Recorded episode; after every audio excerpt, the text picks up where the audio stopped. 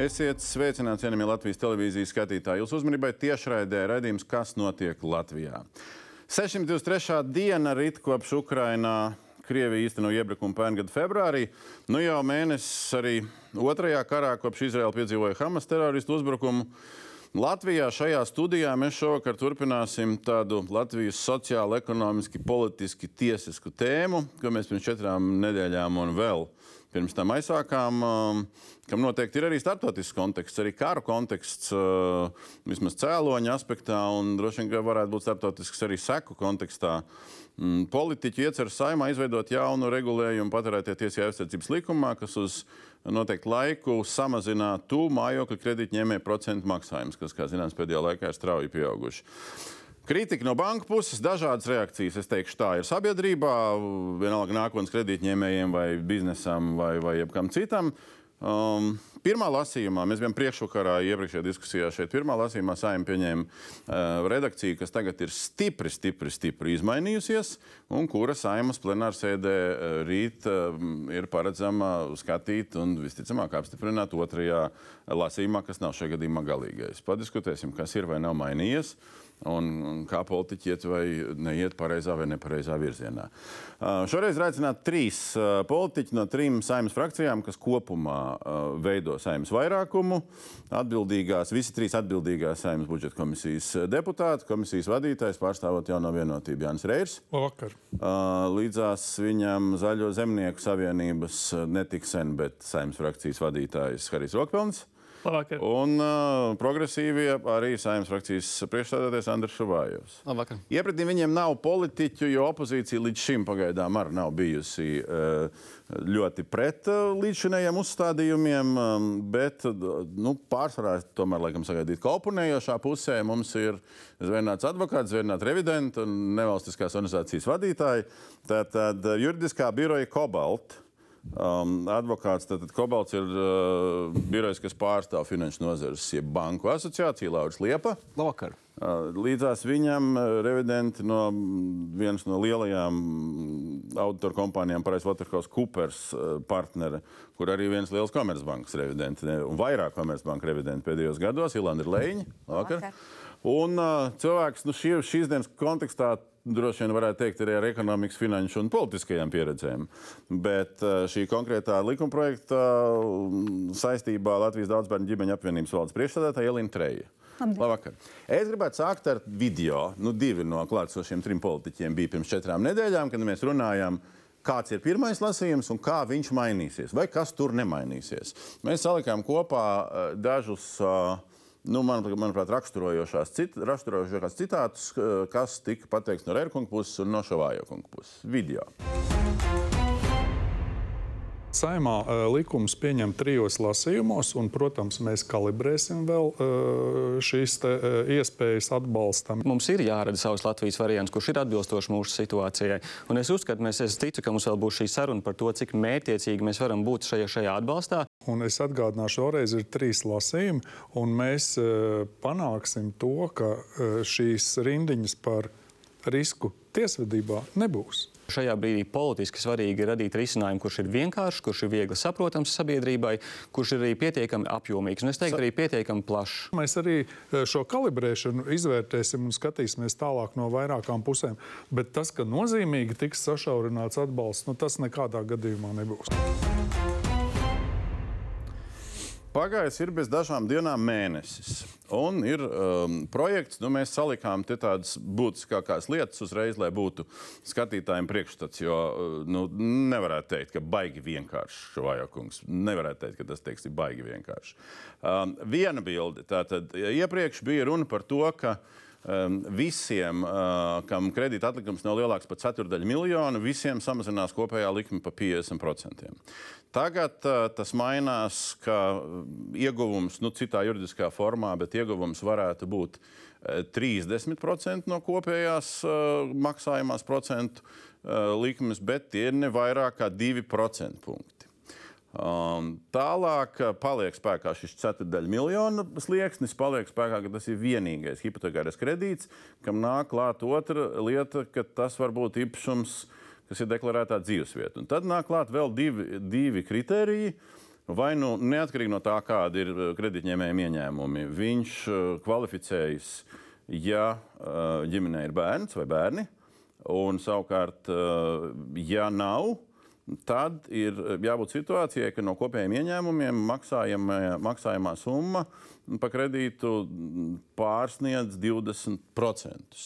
Un uh, visbeidzot, no banka puses, ja mēs paskatāmies, tad, tad ir nācis klāt juridisks konstrukts um, nodeva, kas ir 0,5% ceturksnī, jeb 2% gadā no visas tā bankas uh, mājokļa kredīta portfeļa.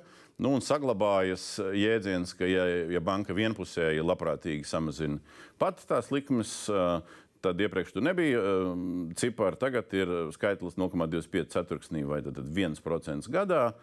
Ja tas samazinājums ir, tad attiecīgi viss pārējais um, nu, teiksim, šī lielākā nodeva uz to neatiecās. Nu, tāds ir, nu, protams, tur vēl ir daži sīkāki punkti, bet nu, šīs tomēr ir lielākā esence.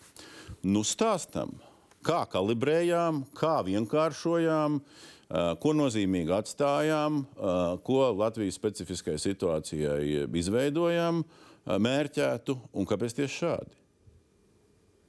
Kuram būtu jāsāk? Jums droši vien. Paldies. Tātad sāksim ar tiem 50% un 30%. Protams, veidojot priekšlikumus pirmajam lasījumam, Eh, bija prognozes no visām pusēm, arī no Latvijas bankas eh, un Eiropas eh, centrālās bankas, ka likme tiks paaugstināta vēl par 0,5%. Tātad vienreiz 0,25 un vēlreiz, vēl vienreiz 0,25. Mēs visi zinām, tagad, ka Eiropas centrālā banka tas notika tieši pirms otrā lasījuma komisijā.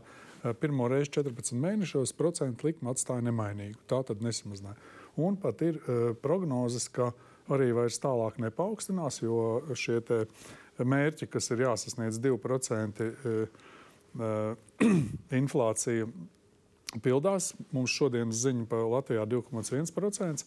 Un praktiski e, salīdzinot arī ar citām valstīm, kur šis piedāvājums tika dots, tie bija vidēji 30%, jeb 2% no vidējās 6,0%. Kuru valsti jūs liekat, ka viņā ir šāds risinājums? Tā tad Polija. Polija. A, Polija vēl ir. Ceturksnī, nu, cet, ceturksnī vienu mēnesi var vispār atteikties. Uh, atteikties, bet tā ir pilnīgi cita konstrukcija. Bet, nu labi, kas pārējais tagad nomainās? Kā, kā, kā mēs nonācām līdz?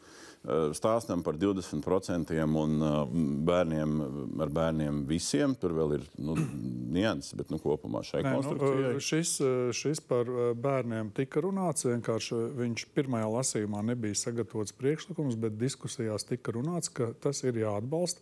Mums ir jārada drošības sajūta jebkurai ģimenei Latvijā, kurai ir bērni par to, ka viņi nezaudēs savu vienīgo mājokli vai jebkuru mājokli. Un es nedomāju, ka mums ir jāatbalsta tikai šeit, hipotekārā kredītā, bet jebkurš likums, jebkurš normatīvais akts ir jāskata caur šo prizmu. Kā tas palīdz? Jā, Erkungs, vai jums ir uh, kādi dati, uh, cik no nu, labi, 127 tūkstoši kredītu, tur kaut kāda ļoti neliels apjoms virs 250 tūkstošiem, fiksētās likmes uh, šeit nekvalificējās. Nu, vēl neliels, bet neliels apjoms no visiem pāriem 120 pāri tūkstošiem kredītu.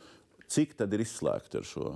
Tā tad 50 Eh, tūkstoši varētu būt izslēgti, bet eh, šī izslēgšana ir saistīta ar 50 tūkstoši. Kurš Jā. jums teica, ka 50 tūkstoši izslēgti? Nu, tas ir no, eh, tātad, no banku informācijas, ka kredīti. Kurš ar, no banku informācijas teica, tātad komisi, komisijā ir pateikts, ka kredīti ar kredīti, hipotekārie kredīti, kur eh, ģimenē ir vismaz viens bērns, ir 60% no visiem kredītiem. Nu, jā, bet es jau jautāju, cik ir izslēgti. Tātad, tā, Bērni ir iekšā. 20% arī ir iekšā. Mēs uh, esam runājuši ar ekonomistiem, sociālajiem uh, speciālistiem un sociālajiem antropologiem par to, ka ja uh, šis 20% uh, nav virs 20%, tad praktiski ir iespējams ģimenes budžetu pārkārtot.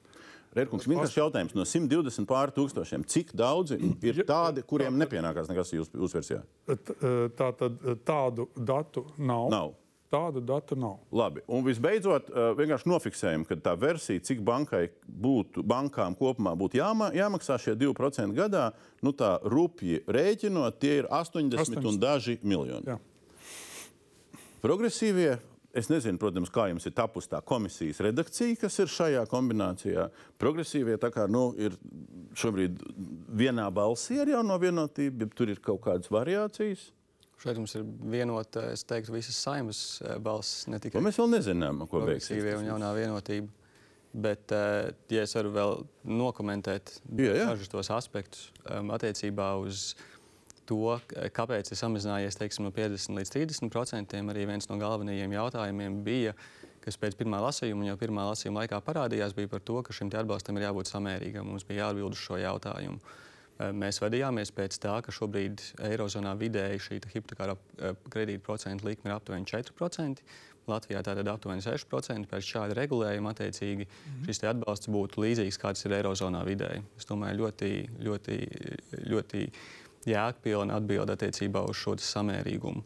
Um, un komentējot pārējos, eh, pārējos aspektus, jā, es teiktu, ka šie 20% es joprojām pats personiski palieku pie, pie pārliecības, ka tomēr šim atbalstam ir jābūt eh, vēl pēc iespējas plašākam, bet nu, ir skaidrs, ka, ka līdzinējā likumdošanas prakse vienkārši paredz to, ka ir jābūt zināmam, zināmam mērķtiecīgam elementam, un šādā veidā mēs pieņemam lēmumu par 20%.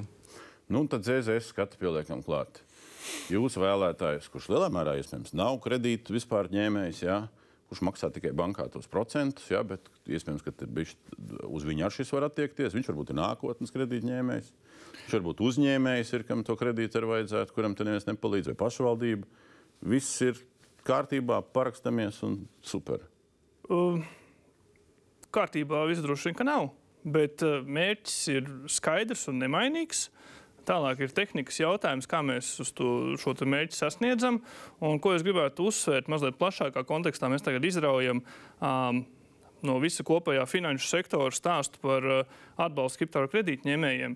Bet tā- ir tikai maza daļa no visām problēmām, kas ir finanšu sektorā, kas iezīmējās jau parlamentārā izmeklēšanas komisijā. Un, un pēc šī soļa sekos vēl nākamie soļi, lai uh, finanšu sektora veselību uzlabotu. Iespējams, ka mēs parunāsim šovakar par to. Nu, uh, padebatējam. Liepskungs vakar uzstājās banku, tur nebija atkal oponenti. Politiķi uh, uzstājās banku tādā mm, publiskā pasākumā. Un runājot no acīm redzam par esošo situāciju, vēl vienalga, vēl aizvien, es citēšu teikt politiķu vārdus, draudēja ar tiesvedībām. Nē, Nu, tad ar ko bankas tagad, uh, vai ja nedraud, tad par ko brīdina? Bankas noteikti nedraud, un galu galā tiesvedība jau arī nav nekāds drauds. Jā, Tiesvedība tas ir veids, kādā var panākt risinājumu situācijā, kurā otrs sarunu dialogu dalībnieks neklausās vai arī nedzird to, ko saka. Bet kas tiek pārkāpts? Jā, tā tad eh, jāsaka tā, kopējā tā, tā situācija ir tāda, ka ir pieci īsi punkti, ko es gribētu šeit uzsvērt, eh, klausoties ātri pieskricēlēji. Tātad pirmkārt, valsts iesaistās vienā divpusējā darījumā starp aizdevēju un aizņēmēju. Iesaistās kā arbitrs, sakot, tagad mēs regulēsim likmes. Turpmākos 12 mēnešus mēs noteiksim, ka likme ir nevis tāda, kādu jūs saskaņojāt, brīvi paužot savu gribu izvēloties. Un tā nedrīkst darīt. Nu, protams, ka nedrīkst darīt. Un tas- Polijā viņi dara. Nu, labi, tas nav labs piemērs. Nu. Erdogans arī tieši tā darīja, un Erdogans piedzīvoja krīzi Turcijā. Ja mēs gribam, nu, tur ir daudz tādu piemēru, kur, kur mēs ļoti labi. Venecuēlā tā darīja, Urugvajā. Ja? Liepskums, nelasām piecus, iesim pa punktiem. Uzreiz Labi. varam daļā Ok. okay. debatas. Nu, Jā. reku Sākam. Urugvaja, reku Venecuēla. Jā, Jūs jā, ejat jā. Venecuēlas un Urugvajas ceļu. Un, Maduro un... Grieķijas, un ir Grieķijas ceļš, kur bankas brīvprātīgi samazināja, saprotot to situāciju, sociālo ekonomisko situāciju, un brīvprātīgi visi, visas bankas samazināja hipotekāro kredītu. Arī Jā, jā, bet- tādi piemēri ir. Tas, jā, bet tas ir piemērs, bet, bet tas nav jā. šis likumprojekts. Jā, bet, bet eh, nu, teiksim, pārmest par Urugvajām un kādām citām Jā. Jā. lietām. Es atvainojos, mums visa uh, ātrā kredītu sistēma ir ierobežota. Mums zāļu cenas ir ierobežotas, mums daudz lietas ir ierobežotas. Tas ir normāli, normāla situācija, ka tā tirgus Tas ir savādāk, kad jūs Jā, sakat, no šodienas nākotnes kredītus ierobežosim. Fantastiski, ļoti labi. Bet, ja mēs sakām, jau noslēgtos kredītus tagad, samazināsim likmes, tad bankas teiks, ah, pēkšņi mēs vairs nesaņemsim to, ko mums vajadzēs saņemt. Otra lielā problēma ir tāda, ka daudziem no šiem potenciālajiem kandidātiem programmai nemaz tas nav vajadzīgs.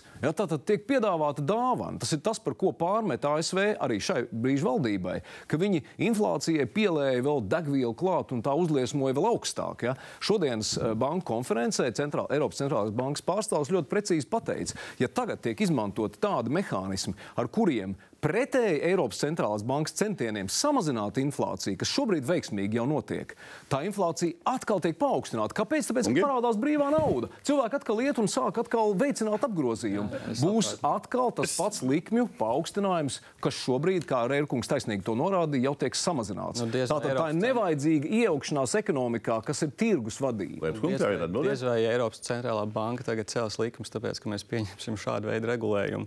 Pirmkārt, mēs reaģējam uz sāsinātu situāciju sabiedrībā. Tas ir iemesls, kāpēc šāda veida likuma projekts top. Ja jūs sakat, ka valstī jāstāv malā situācijā, kur mums ir bijusi 20% inflācija un šādā veidā mainīgās likmes būtiski ietekmē sabiedrības eh, ļoti daudz grupas, nu labi, tas ir jūsu viedoklis. Švaikungs. Ļoti daudz ir konkrēti 57 šādu gadījumu. Banku, eh, finanšu asociācijas statistikā. statistiku, un es arī esmu, es esmu vairāk kārtīgi norādījis. Es saprotu, ka līdzinājā statistika, pēc kā bankas vadās, lai izvērtētu, kam tiešām vajag, manuprāt, šajā situācijā ir lasām citādāk, ņemot vērā unikālo ekonomisko situāciju, kur mēs esam pēdējos trīs gadus. Nu, Ļaujam iesaistīt dāmas. Tagad soli pa solim uh, Leņķis kundze. Uh, nu, revidējot šajā gadījumā, drusku revidējot mūsu visu pil pilsoņu interesēs, to, ko dara pilsoņu priekšstāvji. Ja? Tie 87 vai nu, cik tie miljoni tur no tās nodevas eventuāli varētu tikt iekasēti, ja? tā skaitā nu, no četrām būtībā bankām. Ja? Tas, ja mēs modelējam to peļņu šī gada, nu, tie ir kādi varbūt 10% no peļņas. Es jums varētu pateikt tā īstenībā, ka šajā gadā, es saprotu, nodeva būs spēkā ar 24. gadu. Attiecīgi šī nodeva ietekmēs Jā, nākamo gadu. peļņu nākamajā Jā. gadā. Jā. Bet nu, tādā ziņā, nu, ka mēs paņemam 10% no tā, ko bankas super labi nopelnīja. Nu, nu, nešķiet, nu, nu, nu, es tā mēģinu sparingot. Nu, nešķiet tā šausmīgi. Nu, salīdzinot banku peļņu, teiksim, šajā gadā tieši tā, ka ir arī ļoti liels procentu likmes. Eh, Protams, ka tā summa nešķiet kosmiska, ja, bet eh, nu, reiķinājums to, ka bankām ir jau arī šis banku uzņēmuma ienākuma nodoklis, ja, kas ir jāmaksā 20% apmēram. Avans. Visa Avans. pasaule, visa pasaule Jā. maksā izņemot Latviju. Jā. Un Tagad mēs pie, pielīdzinām to, ko maksā visa pasaule. visu Tagad- pasauli? I- Ieņēmuma uzņēmuma ienākuma nodoklis. Divas valstis, kurās netiek maksāts tikai tad, kad e, peļņu e, ņem ārā. Tā ir Latvija un Igaunija. Un pie tam Igaunijā 10% ir maksājums, un tad, kad ņem otru 10%, visa pārējā pasaule katru gadu maksā šo nodokli.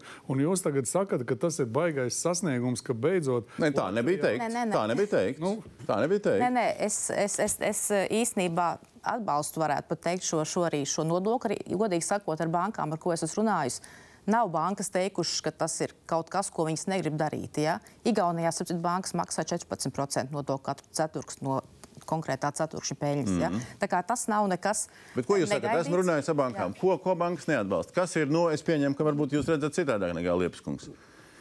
Eh, Es varbūt redz, redzu vairāk un eh, tieši vairāk koncentrējos uz to praktisko ieviešanu. Teiksim, ja gadījumā šis likums tiek pieņemts, ja, tad, eh, nu, protams, kad bankām tiek uzlikta šī nodevu, nodevu nosacīta iekasēšanas funkcija, jo kas ir bankām jādara? Ja? Bankām ir jāizvērtē, tātad, kas notiks praksē. Ja? Katrs aizņēmējs, kurš tātad, kvalificēsies šim uh, procentu likuma samazinājumam, viņš nāks uz banku ar savu iesniegumu vai iesniegs ar internetbanku visticamāk. Ja?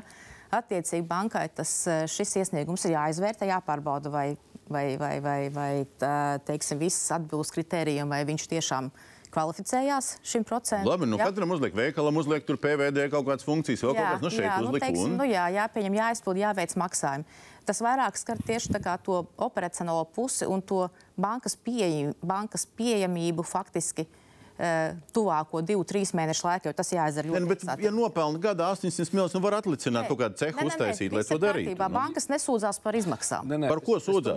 Atļaušos, ja drīkst, es tomēr pateikšu, ir problēma. Un problēma ir tajā, ka uh, šai gadījumā mēs skatāmies vienu konkrētu laika nogriezni, pie tam arī jau nokavēta inflācija vieta lejā. Un tagad mēģināt pateikt, ok, bankas līdz šim ir ļoti labi pelnījušas. Tas ir jāskata ilgtermiņā, tieši tāpat kā hipotekārie kredīti.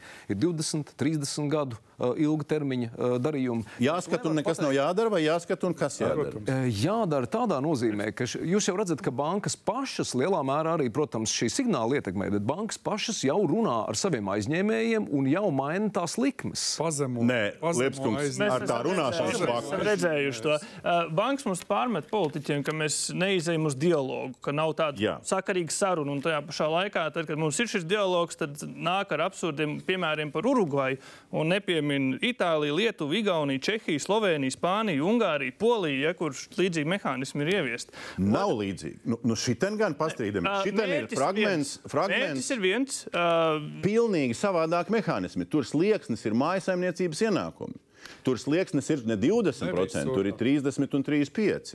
un, un otrs punkts, ko es ir gribēju pieminēt, kritēriji. Nevis blokā visiem uzdāvina helikoptera naudu izkājas, bet individuāli vērtējot katru gadījumu. Tur Un, ir tā un liela atšķirība. otrs punkts, ko pārmet, ka uh, šis te iet pretrunā ar cīņu pret inflāciju. Nu, mēs visi esam vienotā eirozonā, bet no Eiropas ir mums divi, trīs ātrumi. Un mēs redzam, ka Latvija daudz ātrāk reaģē uz, uz visiem šiem, šīm svārstībām, un pie mums inflācija jau praktiski ir beigusies. Rokveņkungs, kāpēc Igauni un uh, Lietuvieši ieviešot viens tur vienu konstrukciju no UN, otrs otru, kurai vienai mēs esam līdzīgi? Kāpēc viņi neko nedara vairāk, un mēs darām vairāk? Tādēļ, ka mums ir viszemākā kreditēšana Latvijā, Komercbankā. Šis veicinās. Mums ir viska, visaugstākie kredīta procenti gan hipotekārie kredītos, gan uzņēmējdarbības kredītos. Tas ir tas uh, iemesls, un mūsu cilvēki patreizējā situācijā, ja, ja banku pārstāvs saka, ka Pērkungs. 57 gadījumi tikai ir tādi, Pērkungs. kur vajadzētu palīdzēt, jautājums nav par to, Pērkungs. ka rupmaize vai baltmaize ir vispār Jūs maizēs. maldināt publiku. Vairs nav. Vairs nav augstākie. Tie septembra dati, oficiāli publiski. Eiropas dati. Nu, Lietuva jau ir garām. Mums tādi Lietuva ir dati garām. nav, uh, Ā, jums nav? parādīti bankā. Nu, labi, mēs paturēsim šo fonā, lai visi apskatās. Treiskundze, um, jūs esat viens no daudzajiem cilvēkiem, kas parakstījuši dažādas vēstules uh, Rērkunga vadītajai komisijai, um, komentējot lietas uh, nu, dažādos aspektos.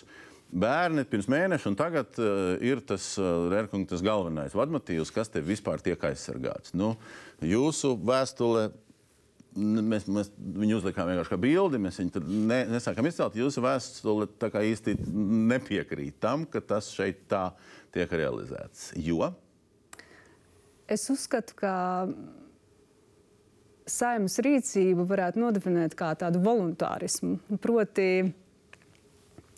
kā rīcību virza griba un gribēšana, nevis prāts un zināšanas. Un, um, tās zināšanas nav laikam tiešām par uh, mājokļu pieejamību Latvijā. Divas trešdaļas no daudzbērnu ģimenēm dzīvo sev nepiedarošos mājokļos. Uh, 50% īrē brīvajā tirgū savus mājokļus. Un, patiesībā nu, līdz 20% teiktu, ka vidē laikam tomēr 13%, jo reģionos tā situācija pavisam dramatiski ir tikai tie, kas ir uh, bijuši spējīgi paņemt uh, šos te hipotekāros kredītus. Uh, par uh, mājokļu nepieejamību mums runā uh, OECD. Tātad uh, ekonomiskās uh, sadarbības un attīstības organizācija, kurā ir veikusi pētījumu Latvijā par māju pieejamību, kas konkrēti norāda, ka mums ir uh, šis te, uh, gap of missing middle. Proti, mums ir 10%, kas spēj nokvalificēties hipotekār- hipotekāriem kredītiem, mums ir kādi nu, 10%, kas kvalificējas sociālajai palīdzībai, un tad ir šis vidus, kas patiesībā maksā par mājokli visdārgāk. Mēs veicām pētījumu. Uh, Nu, divu aptauju, ap- teiksim, Jā, tā tā, jā. aptauju divu gadu atpakaļ, uh, kur mums piedalījās tūkstoši ģimenes ar bērniem. Un, uh, tā situācija bija tāda, ka 50% no šīm ģimenēm atzina, ka viņām ir līdz 10 kvadrātmetriem uz vienu ģimenes locekli tikai. Tātad trīs bērnu ģimene dzīvo 50 kvadrātmetru dzīvokli. Tā ir, tas ir tas stāsts. vai tā morāla, līdz ar viena morāla ir par gribu un zināšanām, bet otra morāla, tad, eh, ko jūs sakat šobrīd, ir, eh, vai, vai jūs tā sakat, ka Ne, paņemam nodevas vai nodokļu formā naudu, bet pārdalam viņu citādāk? Precīzi. Tā skaitā starp tiem, kuriem nav kredītu. Precīzi. Kā ar mums ar zināšanām? Nu, es šeit labprāt norēģētu, jo nu, es pilnīgi piekrītu attiecībā uz mājokļu politikas problēmām Latvijā, kādas viņas ir bijušas. Tomēr šeit ir, kā mēs pirms četrām nedēļām šeit arī, te, kā es arī, kā es arī pats teicu, šis ir konkrēts likumprojekts mērķēts uz konkrētu segmentu attiecībā uz hipotekāriem kredītņēmējiem. Šī likumprojekta mērķis nav atrisināt visas mājokļu politikas problēmas, kas mums ir valstī. Es pilnīgi piekrītu attiecībā uz īres mājokļiem. Mums ir daudz aktīvāk jāveicina to būvniecību. Ministru kabinetā šajā, šajā nedēļā tika pieņemts mājokļu politikas pamatnostādnes, kur šādi mērķi arī ir nodefinēti. Es pilnīgi piekrītu attiecībā uz šādu veidu problēmām. Es tikai vēršu uzmanību uz to, ka šī konkrēta konkrētā likuma projekta mērķis ir, rast, ir, ir atrast veidu, kā mēs varam palīdzēt hipotekāriem kredītņēmējiem, kam ir strauji pieaudzis šis lik, likums pēdējā pusotra gada laikā. Tas ir par taisnīgu atbalstu. Uh, mēs tikko esam saņēmuši, varam iepazīties visi ar saimā iesniegto budžeta projektu, kur patiesībā virsmērķis uh, budžeta prologā ir rakstīts atbalsts ģimenēm kā virsmērķis. Palasiet budžeta prologu. Un pēc tam jūs paskatāties tālāk, kuri ir nevienlīdzības indeksi. Un salīdziniet uh, 24. gada budžeta projektu ar 23. gada projektu, ar 22. gada projektu, un ko viņi parāda, ka šie nevienlīdzības indeksi ir pasliktinājušies. Proti, mums budžets jau arī nākošā budžets ir vērsts uz to, lai ienākumu sad, uh, sadalījums sabiedrībā būtu arvien nevienlīdzīgāks. Tur to par to norāda gan Gini indeks, gan kvintīļu, ienākumu kvintīļu sadalas indeks un tam līdzīgi. Ja. Uh, kur tad ir tiem pārējiem. Restī, jūs sakat, ka arī ar šo uh, likumu var risināt tās lietas uzreiz, nevis nodalīt, ka šis likums ir tikai priekš kredītņēmējiem. Es neredzu īstermiņā nekādu risinājumu. Patiesībā nu, 6%, un ja mēs redzam, ka iet uz leju, nu, tā ir kapitāla cena, naudas cena. Pat civil likumā likumiskie procenti ir noteikti 6%. Uh, mums uh, sabiedrībai jārēķinās to, ka patiesībā pat ilgtermiņā šī var būt uh, hipotekāro kredītu cena. Ja? Un, uh, tad mums jāskatās uz citiem mehānismiem, kā mēs strādājam. Bet es piekrītu, ka mēs esam bankām nodrošinājuši patiesībā Uh, bezriska biznesa vidi. Mēs esam divi miljoni. Ne, nu viņām tā sanāca. Mēs jau baigi nenodrošinājām sadarbībā ar Eiropas Centrālo banku. Nē, nē, paklausieties, es gribētu teikt tā, ka mums ir uh, uh, kredīti iestāžu pakalpojums kā pamatvajadzība iedzīvotājiem. Kā Bez, kuram? Nu, jebkuram. À, nu, okay. Bezskaidrs naudas apbūve, hipotekāriem un tā tālāk. Un mēs esam šos divus miljonus iedzīvotāju vai divus, divus miljonus kopā ar uzņēmējiem iedevuši bankām kā patiesībā tādu bezriska biznesu. Bet neesam nodefinējuši pietiekamas nosacījumus, lai mēs nu, iedot no viņiem visu, iegūtu no viņiem visu pakalpojumu. Un mūsu nepieciešamais pakalpojums ir hipotekārā kreditēšana reģionos pieejama tā, lai mēs varētu vienlīdz attīstīt. Tas ir jautājums, vai šis, šis projekts to veicina vai bremzē? Tātad, ja šī projekta nebūtu, tas veicinātu. Tas nekādīgi neietekmētu. Ta, veicina nākamie soļi. Nākamie soļi ir altuma eh, pārveide par attīstības banku, kur tieši uh, būs reģionālais aspekts un arī hipotekārā kreditēšana. Jau tagad mēs esam unikāli Eiropā, ka mūsu bankas, nu, komercbankas finansē ar valsts garantijām, vispār neuzņemoties nekādu risku. Finansē Var paspekulēt, ko, ko, ko bankās šis veicina vai eh, bremzē? Ja jūs tā nevarat izspekulēt.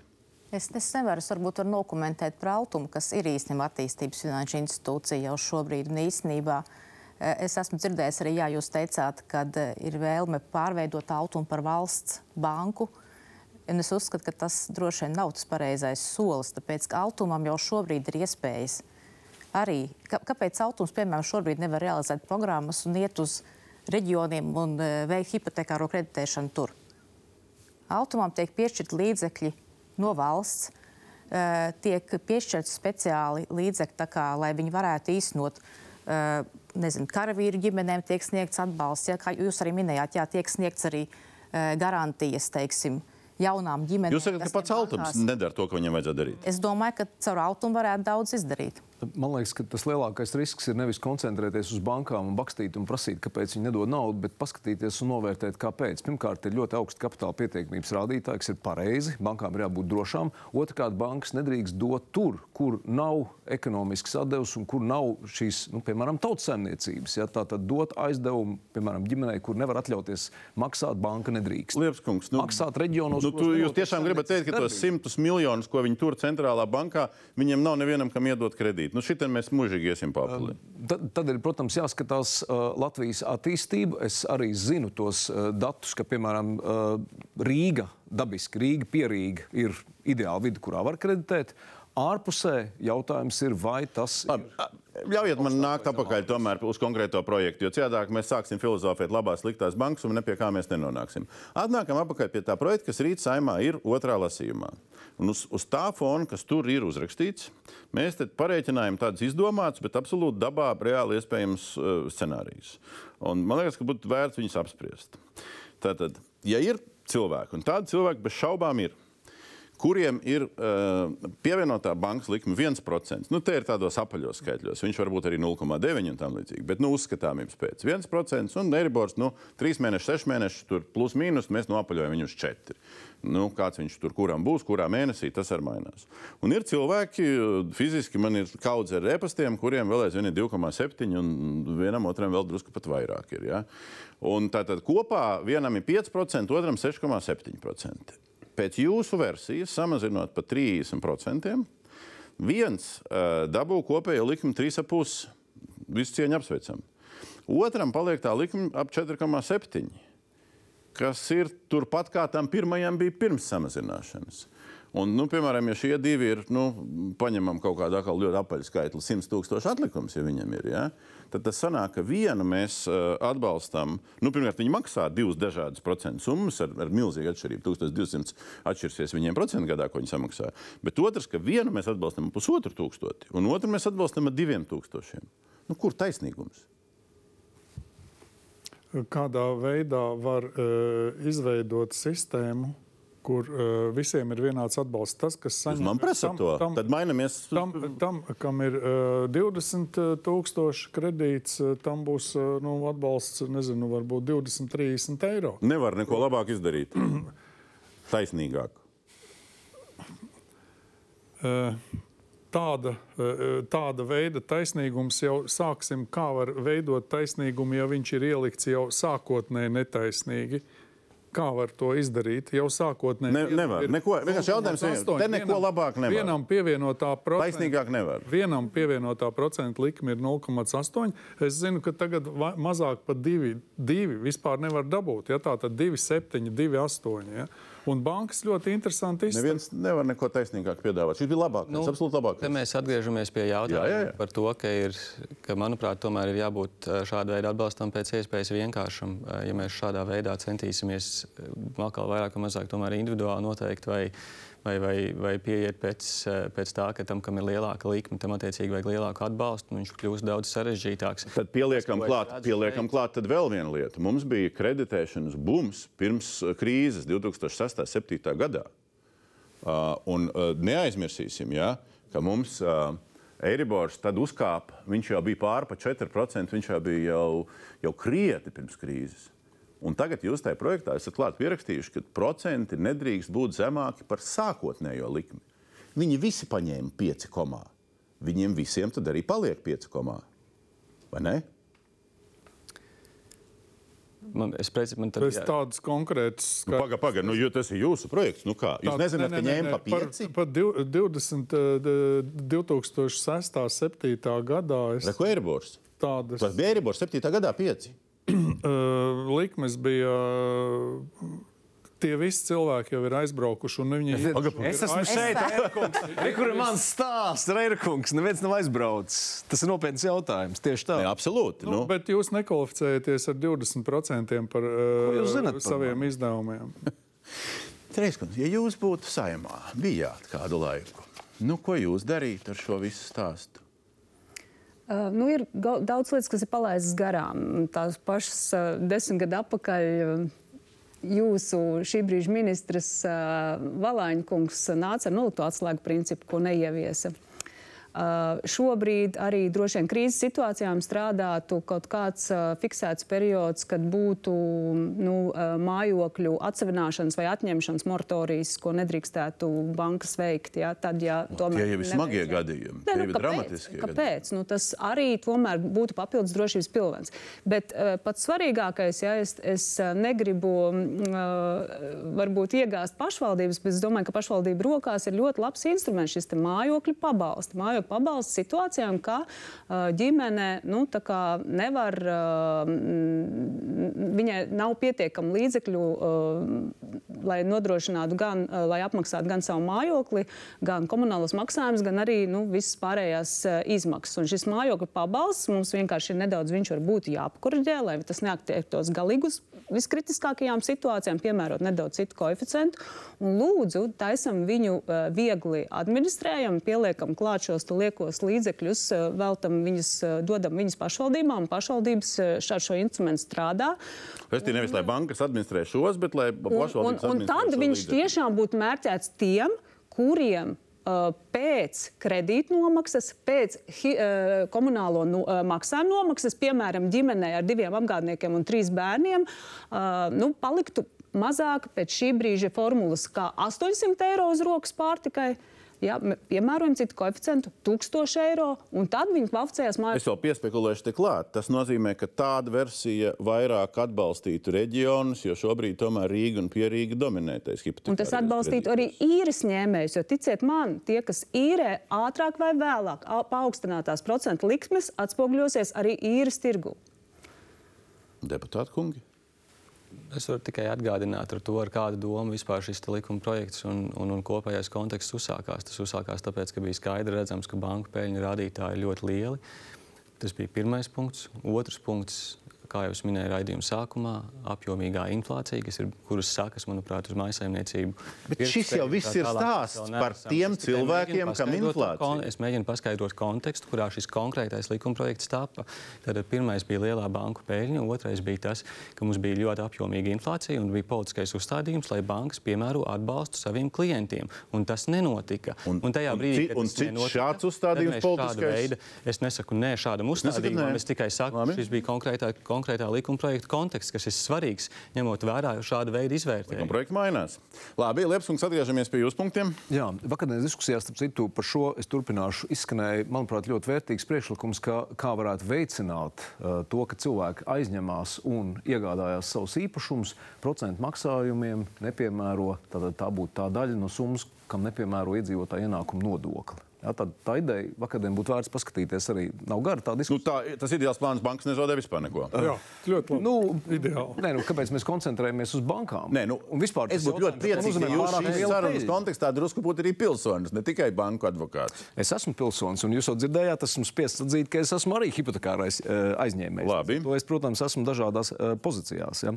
Bet kas ir vēl viena svarīga lieta? Uh, šeit ir ļoti, ja skatāmies juridiski, ir ārkārtīgi interesanti uz otro lasījumu noformulēts uh, veids, kādā šī uh, bankām uzticētā, var teikt, nodevas menedžments. Ja, tā, tā, tā ir speciāla tāda nodeva, kas tiek radīta, kas pēc būtības ir uh, likmes samazinājums. Ja, tā, to nosauc par nodevu, acīm redzot, mēģinot pateikt, ka okay, par nodevām nodokļiem nedrīkst strīdēties. Ja. Uh, jo tas ir valsts prerogatīva. Ja? Valsts, var, valsts var piemērot nodevas nodokļus. Bet tā lielākā problēma, un manuprāt, jūs arī to pieminējāt, ir, ka šī nodevas administrēšana ir uzticēta arī pašai bankai.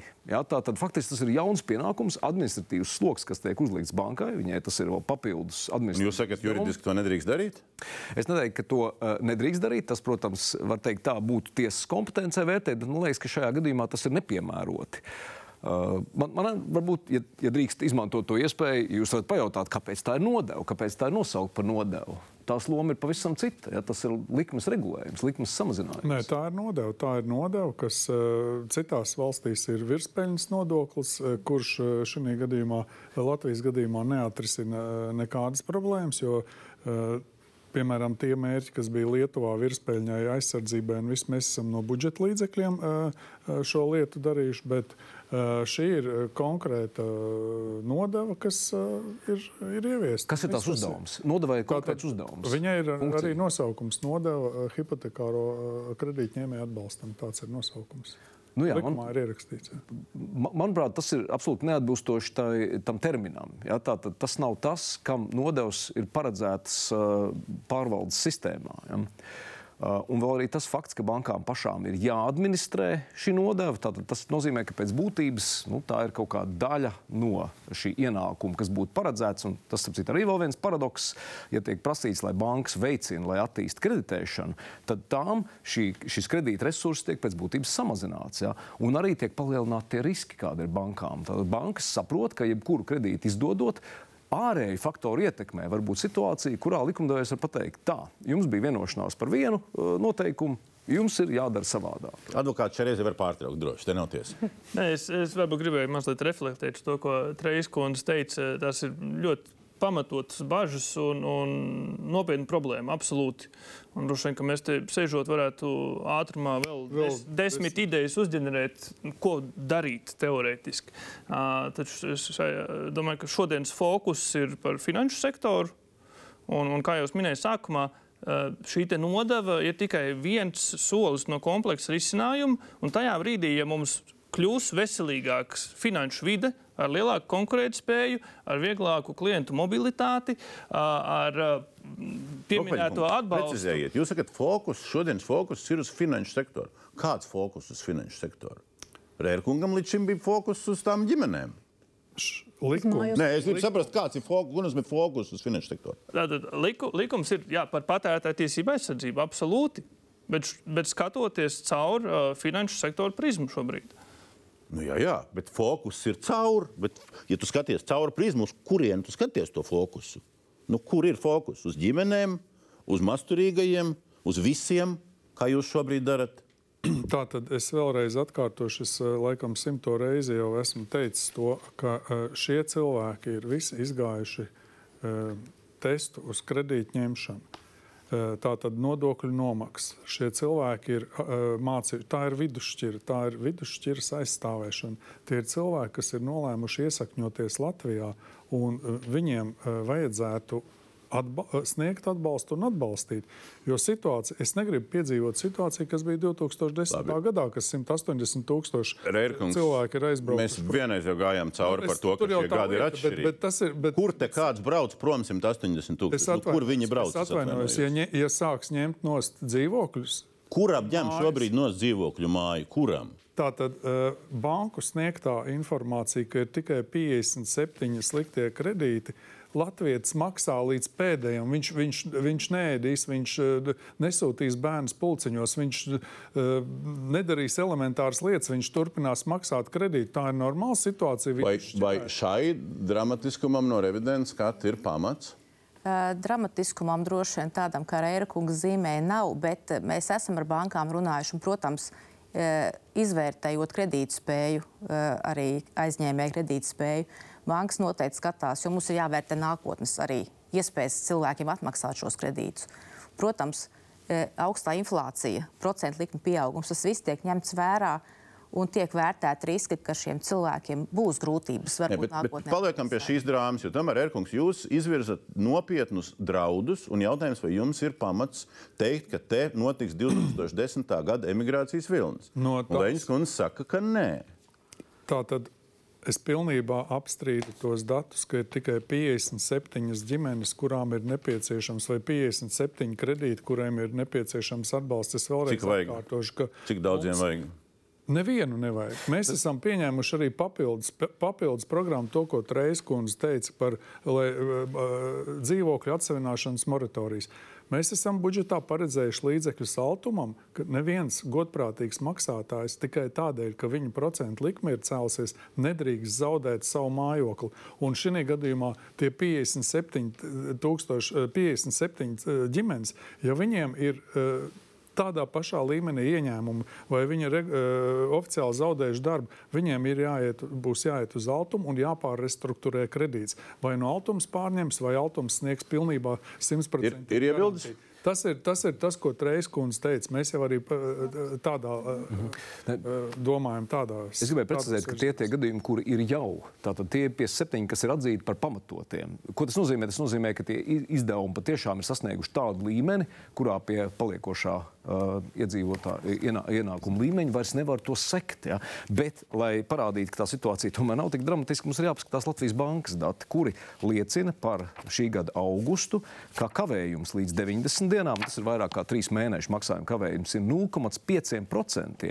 Un tā tad vēl lielāks uh, kavējums ir tikai 0,1% no kopējā kredīta. Un ar to jūs secināt, ka Viss ir kārtībā. Lai Mēs, mēs secinām, ka tā nav, eh, te nav dramatiska mājokļu atsevināšanas riski masveidā vai cilvēku aizbraukšanas problēma. Mēs redzam, ka tie skaitļi, ja jūs atsaucaties uz mūsu trauksmēnu 8. un 9. gadu un to krīzi, tur tie skaitļi bija krietni augstāki. Tie jau uzreiz kāpa augšā. Ja? Šai gadījumā tie skaitļi ir tik nelieli, ka, ja nebūtu, pat ja nebūtu, pat ja nebūtu šāda likumdevēja spiediena, vienalga katrai bankai ir atvērtas durvis, lai cilvēki ar viņu runā. Ja, tātad bankai pārdot to īpašumu nekāda prieka nav. Ja, tie ir ko jūs papildus izdevumi. Par ko jūs smaidat? Šitai pusē ar papildus vajag izdevumi. Nē, padiskutēt. nopietni, nu, tiešām padomājiet, vai tas ir labāk iet un vienoties tomēr par ilgtermiņa attiecību turpināšanu, vai strauji ņemt un tagad mēģināt kaut ko izdarīt ar to īpašumu un pārdot to. Bet izžmēgt kā citronu gan var. Bet tagad par citroniem un par to vidusšķiru. Es, jā, Es gribēju teikt, ka es lēnām novirzos trešajā frontē, jo uh, man ir uh, kaut kādi pretēji viedokļi par dažām lietām, gan ar likumdevēju, gan arī, protams, ar banku. ļoti labi. Liekat pretī. Jā. Nē, es domāju, tas pamat vispār mērķis ir mājokļu pieejamība. Tas ir pamatmērķis gan aiztiekot kredīti iestādes, ja, gan arī atbalstot eh, šos te, uh, kredītņēmējus. Ja. Bet um, es noteikti arī atbalstu to, ka uh, bankas ir jāspiež vairāk, bet jāspiež ļoti mērķiecīgi, panākot to, ka viņi kreditē vairāk.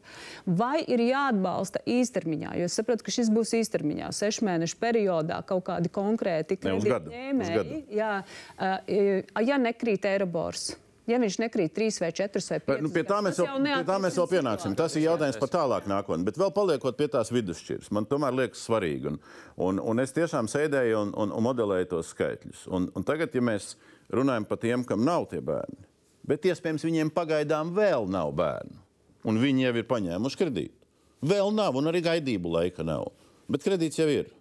Un tagad vēl viens piemērs ar tiem skaitļiem. Tad jūsu versija par 20% bez bērniem. Varbūt viņam tur dzīvesbiedrs ir, ir saslims ilgstoši vai vēl kaut kāda problēma. Nu, vienalga. Ja viņam ir ienākumi 1000 eiro mēnesī, un viņš maksā kredītā 199, viņš nekvalificējās. Jūs viņam atstājat 801, un viņš nekvalificējās. Ja? Jaunā ģimene bez bērniem nekvalificējās. Un tad ir cilvēks, kas eh, nopelna 3000, un viņš maksā 601, un viņam paliek 2399 eiro. Un viņš kvalificējās. Paklau, tā nav vidusšķira, te ir, te ir trīs šķiras pa vidu. Tātad šie aprēķini, tātad, eh, kur ir lielākā problēma? Lielākā problēma ir, ka katra ģimene ir saplāno savu budžetu uz gadu, uz vairākiem, ter, eh, ter, nu, teiksim, uz lielāku termiņu. Šī gadījumā ģimenei, kurai ir 1000 eiro ieņēmumi un kredīts 180 eiro, viņi jau ir saplānojuši savu eh, dzīvi. Notiek dzīvē Tādā kaut kāda problēma, sūdi Tad piedošana ir, notiek. tad, ir, tad ir altuma programma, kur. eh, À, šitie iet uz altu, tur altams vidusšķiru. A, tā vidusšķira, kas 3000 pelna, tā arī jāatbalsta. Ir. Tātad viņiem arī ir uh, kādi izdevumi. Tātad, Jā, nu, vēl paliek 2400 atbalstam. Nosakām maksimālo algu 1500 eiro valstī, un viss būs kārtībā. Jā. Tad, nu, mēs tik tālu Domurkungs, Kā, kā pa vidusšķiru, kā jūs redzat, jo, jo es skatos šo Somijas, un Itālijas un Portugāles, ne Somijas, bet Spānijas, un visus tos piemērus, tur ir tās mājas saimniecība, nenopelna vairāk par 35, un tad atbalstam 35 tūkstoši gadā. Tas nozīmē 3000 mēnesī. Šie 3000 tās valstis nu nav tā kā nabadzīgākas par mums, un bet mēs esam baigi bagāti izrādās. Bet, Man neiet kopā mēs, tas bija tas, ko es arī minēju pirms četrām nedēļām. Tiklīdz mēs sākam runāt par mērķiet- mēr- mērķtiecīgu šādu veidu atbalsta sniegšanu, bank, bankas attiecīgi varētu sniegt atbalstu. Radīsies tieši šāda Kāpēc jūs radat 20% grieztus? absurdas situācijas, tāpēc, ka tā ir nepieciešamība, lai mēs varētu šādā veidā nodrošināt to, ka likumprojekts ir mērķiecīgs, lai tik tiešām mazinātu šos riskus, par kuriem tika runāts pirms tam. Mēs joprojām pastāvam pie tā, ka atbalstam vajadzētu būt pēc iespējas plašākam.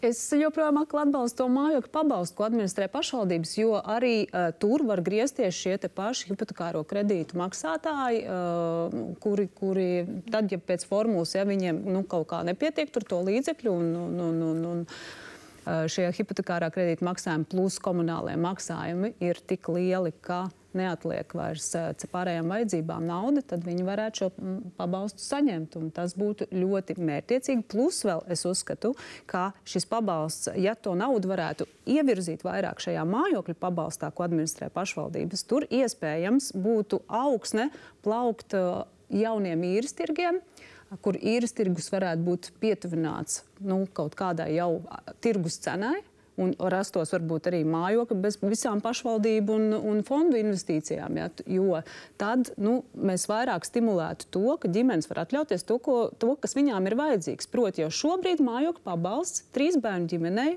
pieciem cilvēkiem, ļauj uh, pieprasīt uh, atbalstu tad, ja viņas, viņām mājoklis ir 104 kvadrātmetri un viņas par šo īri 104 kvadrātmetru, maksā 520 eiro, kas ir pietiekami solīda nauda arī reģionos. Ja, ja šis mājokļu pabalsts būtu populārāks, Uh, tad uh, caur šo pašvaldību nedaudz piefinansējot klāt, tad šis tirgus ar 5 eiro kvadrātmetrā ja, par, par normālām uh, dzīvojamām telpām, uh, nu, tur rastos pieprasījums un varbūt arī būtu arī beigās piedāvājums. Bet jūs šeit runājat, es vienkārši teiktu vēl par papildus problēmas risināšanu, kas attiecās, kā jūs minējāt, jūs sakat, ka mērķis ir mājokļu pieejamība. Es pilnīgi piekrītu, ka mājokļu pieejamībai, pieejamībai ir jābūt politiskajiem mērķiem. Es atgādināšu, ka šī likuma projekta mērķis ir sniegt atbalstu hipotekāriem kredītņēmējiem. Es gribu teikt, ka arī viņi tur varētu griezties. Vajokungs, bet jā. paņemam, izmodelējam ātri versiju. Nu, piesaucāt, ka varam desmit idejas šī izdomāt. Nu, izdomājam, tāpēc, ka šīs idejas arī visas ir pēdējā mēneša laikā radušās. Iedomājamies progresīvi uz šo paskatāmies. Ja? Tātad no, uzliekam slieksni, ka tiem, kam ir pieņemsim 2000 eh, vai 2500 ienākumu mēnesī, tiem vairs nepienākās. Ja viņiem gadā ir 30,000, nu cīnāties, draugi, mīļie, nu nav tā, ka galīgi badā jāmirst. Ja? Un šito, kas paliek pāri, novirzam uz turieni. Es neteiktu, nē, bet es joprojām atkārtoju, vienkārši ir jāskatās tas, kā mēs nonācām līdz šai esošajai situācijai, kur jau es pieminēju no paša sākuma. Mēs esam šajā situācijā, jo mēs saskārāmies ar situāciju, kur bankas nevēlējās sniegt atbalstu. Es joprojām pastāvu pie tā, ka šāda veida atbalstam jābūt absolūti solidāram pilnīgi visiem klientiem. Nu, tas vēlējās, nevēlējās. Viņš, protams, ir tāds droši vien stiepjams. Nu, revidenti teiks, ka, pārbaudījām kaut ko un visi baigi vēlējās, tikai nevarēja sniegt vairāk. Ja? Kaut kā tā. Nu, nē, es īstenībā uzskatu arī to, ka arī pēc tā jūsu piemēra, un, un arī es ar, pamodelēju arī pat pie sevis, teiksim, arī ņemot bezbērnu ģimeni, ja, jo bērn, ģimenēm ar bērniem. Jā, jā, šī 20, ir bezbērnu ģimene. Jā, jā 20% liekas nav, jā, bet tieši tam arī darba. Vai arī, piedošana, vai arī šī ir ģimene, kas jau ir izaudzinājusi bērnus, bet viņi turpina vēl maksāt. Mm -hmm. Tas ir otrs variants. 23. Jā. jā. jā. Un, teiksim, arī kā, kā šis atbalsts te, teiksim, strādā, piemēram, pie, pieņemsim, ka mums ir divas ģimenes bez bērniem ar vienādu ienākumu mēnesi, teiksim, 2000 katrai ģimenei. Abām ģimenēm ir 100 tūkstoši kredīts, viena ir paņēmusi kredītu uz 15 gadiem, viena uz 30 vai 40 gadiem. Tai vienai ģimenei tas maksājums būs virs 20% no ienākuma, otrai nebūs. Viena saņems pabalstu, nu, atlaidi. Procentu. Jā, man nāk tie jautājumi, īstenībā, ka cilvēki ir šogad pārkreditējušies, pārstruktūrējuši sev grafikus. Un viņi krīt apakšā zem tiem 20. Mm -hmm. un, un tas ir vēl vairāk, ko tas veicina. Viņi tagad arī nāk pie bankām. Uh, Viņi arī eh, prasa, nu, saka, ko darīt. Man vajag kaut kā pārstrukturizēt tavu, savus, vai nu savus kredītus, vai nu kaut kādus ienākumu līmeni. Ja? Nu, tas ir tas, ka mēs faktiski veicinām kaut kādu tādu. Nu, nevajadzīga darbība, teiksim, ja, no, no, no arī aizņēmēja puses. Ja. Nu jā, bet ja mēs šeit, ja mēs nebūtu runājuši par šiem 20%, tad mēs sēdētu ar citiem argumentiem par tad to, būtu, mēs atbalstām pilnīgi visus. Jā, nu, tā, tā kā iepriekšējo pārraidi mēs runājām par to, kāpēc visiem plakāns atbalsts, ka vajag mērķētāku, mm -hmm. praktiski piedāvājumu uh, risinājums, kas ir uh, mērķēti, jo te praktiski arī uh, atkrīt visi, kas ir ļoti augstu pelnīšanu uh, Un, un, Neatkrīt. Un, Atkrīt, atkrīt. Neatkrīt. atkrīt. Tur ir variants 5000 viņš var pelnīt. Un viņš vienalga, ja viņam mēneša maksājums virs 1000 viņš kvalificējās. Tā tad, uh... Un ja viņš pelna 10 000, bet viņam ir bērns, viņš neatkrīt. Tātad par bērniem es jau stāstīju, ka tas ir, tas ir katrā likumā, katrā normatīvā aktā. Mums ir jāvērtē caur ģimeni ar bērnu. Un atbalstīsim visturīgākos vairāk nekā mazturīgākos. Bet es atgādinu, ka šī jau nav valsts Tātad budžeta es- nauda. Ja mēs runātu par valsts budžeta naudu, tad mēs šādu veidu apsvērumus varētu leģitīmi uzdot. Lūk, Šeit mēs lūk, šobrīd tiek runājam. Šeit, šeit mēs šobrīd nauda. runājam. Šeit, jā, tieši tā. Mēs dalām banku ne? naudu. Es ceru, ka tas ir skaidrs šajā Svešās brīdī. kabatās dalīt naudu vienmēr ir lieliski. Svešās naudās. Svešās, svešās kabatās. Mūsu iedzīvotāju nauda. Es, es atvainojos, sveša nauda ir tā, ka bankas nemaksāja pusgadu depozītus, kad visa cita, eh, visas Eiropas valsts sen maksāja. Tā ir mu- 18 miljardi eiro noguldītā nauda, par ko nesaņēma cilvēki depozītu. Es atvainojos, jūs skatāties šaurus nogriežņus. Protams, Bankas protams. darbojas desmitgažu režīmā, rēķinot naudas cenu nevis šim vai nākamajam gadam, bet nākamajiem 15 Protams. 20 gadiem. Piecu gadu peļņa neizņemta ir nulles cena jūsu naudai, un tie, tas ir miljards pa pieciem gadiem. Man liekas, te arī ir tā problēma sāls, ka ir ļoti viegli dal dalīt kaut ko, kas ir citās kabatās. Trešā fronte. Es teiktu, tā, nu, ir viens jautājums, ir, kā mēs atbalstu mērķējam. Bet otrs variants, kā mēs paņemam no bankām vairāk, tā skaitā ar pakalpojumu. Un tā ir divi dažādi, es domāju, jautājumi. Un, un, un mums nu, noteikti ir jāpanāk tas, ka banka strādā mūsu ekonomikas labā. Un tur ir tas gudrais variants jāizdomā. Arī ar tā skaitā ar šo milzīgo virsmu jāizdomā, kā viņu varētu korekti iegūt. Bet es nedomāju, ka bankām būtu jābūt kā administratoram pēc tam tālākā atbalsta. Un šajā vietā, pie gudrās domāšanas, uh, neviens nepiemina šeit vēl vienu lietu, kas man liekas, būtu pamats, pamats pie kā jāatgriežas. Kā bankas var pašas kontrolēt savas kabatas jūsu projektā uz otro lasījumu? Tātad jūsu projektā ir variants, ja bankas brīvprātīgi 0,25% vai 1% gadā, 0,25 ceturksnī, pašas aizstumj uz procentu likmi samazināšanu, ka summa ir 1% no tiem briesmīgajiem 6% šausminošajiem. Tad viss kārtībā un viss pārējais nenotiek. Bet, Rērkungs, tas paradoks ir, ka ja vienu procentu mēs samazinām, tad mēs ar Igauniem apmainamies vietām, bet mēs vienalga mēs esam top 4 Eiropā un mēs nenonākam ne pie kāda Eiropas vidējā. Paldies, Domburkungs, par aizrādījumu. Mēs palabosim uz trešo lasījumu. Uz kādu procentu jūs prāt būtu jāmaina? Nu, es domāju, ka tas uh, procents, kas ir arī uh, tātad 2%, bet brīvprātība ļauj uh, nedaudz vienkāršāk administrēt un uh, tikt galā ar šīm problēmām. Līdz šim, citi viedokļi? līdz šim šis konkrētais punkts, manuprāt, bija drīzāk žests bankām, politisks žests par to, ka joprojām ir iespējams brīvprātīgi rīkoties. Nu, žests ir tad, kad tu pieņem likumu. Nu, kāds var būt žests projekta līmenī? tāpēc, ka likuma, likuma pieņemšana, kā mēs redzam, ilgst kādu laiku, un bankām joprojām ir visas iespējas to darīt. Es arī uzskatu, ka šāda veida tai konkrētai procentu likmei ir jābūt, protams, šiem diviem procentiem. Tas ir tas, par ko mēs runājam. Paldies. Div- 2% gan obligātajā versijā, uh, uz mazināšanu, Protams, gan brīvprātīgajā versijā. Ko jūs kā revidents teiktu bankai? Dari brīvprātīgi vai gaidi, ka likuma pieņem? Es varbūt teikšu no tā savukārt no tā operacionālā viedokļa. Ja es šodien lasu to likumu, mm -hmm. es gribu to ieviest, atvainojiet, bankas nevar ieviest to līdz likuma pieņemšanas. Līdz 1. janvārim. Tas nav iespējams. Otrkārt, es nesaprotu, teiksim, kā ir, ko jūs domājat. Tad, lai jūs lūdzat, lai bankas piemēro visiem kredītņēmējiem šo samazinājumu, vai tas ir atkal domāts uz šo mērķa grupu, kas ir hipotekārie kredītņēmēji, kas kvalificējās iepriekš? Nē, nu, tur bija teikts hipotekārie, bet hipotekārie visi. Visi. Minimums, praktiski minimums ir tie, kas kvalificējās, bet bankas to var brīvprātīgi darīt arī ar visiem bankiem. Jebkurā gadījumā var samazināt šo nepamatoti paaugstinātās likmes. visiem vienādi vai arī katram dažādi? Summā ir iekļaujoties jūsu versijā. Protams, ka visiem vienādi. Tas te nav pateikts. Pirmā lasījumā bija visiem vienādi, mēs- otrajā nav. Es domāju, ka mēs tad labosim eh, tiešām. Nē, tā bankas brīvprātība var būt arī lielāka. Bet, Tieši tā, un neviens To neaiz. nav runa, runa, kad nestrādā pārējie likuma punkti pie kādas robežas. Tas ir tas jautājums. Ir vēl uh, punkti, no, kas jums bija pierakstīti sākumā. Jā, pēc būtības pats svarīgākais ir, ka uh, nu, pirmkārt tas mēģinājums ar vienu vienkāršu risinājumu atrisināt dažādus un diezgan individuālus variantus ir uh, nu, pats par sevi jau neveiksmīgs kā, kā modelis. Manuprāt, nu, jūs nevarat vienu taisnību piemērot visiem. Nu, jūs varat tādā gadījumā eh, kritizēt Eiropas centrālo banka, kas ceļ likmes šādā veidā risinot vienu inflācijas problēmu, kas katrā valstī izpaužās citādāk.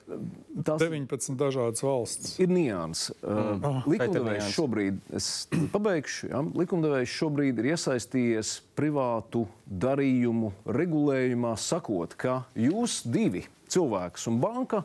Uh, Noslēdzāt vienošanos, bet mēs tagad to grozām. Ja, Mēs uzskatām, ka vajadzētu tur citādāk. Tāpēc, mums liekas, ka taisnīgi ir tā. Ja.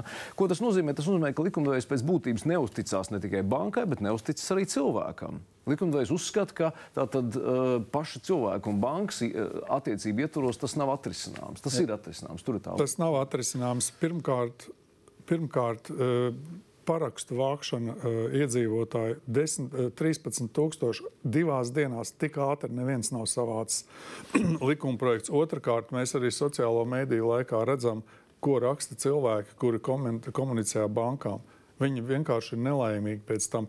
Ja komisija paņem lielāku par izskatīšanu par to, ko samazina gada, gada maksājumi, ja, tas, tas vienkārši pazemo cilvēkus. Tas, tā, tā pieredze, kas tagad ir bankās, sociālos tīklos, nu tas, tas, tā ir traģēdija, godīgi sakot.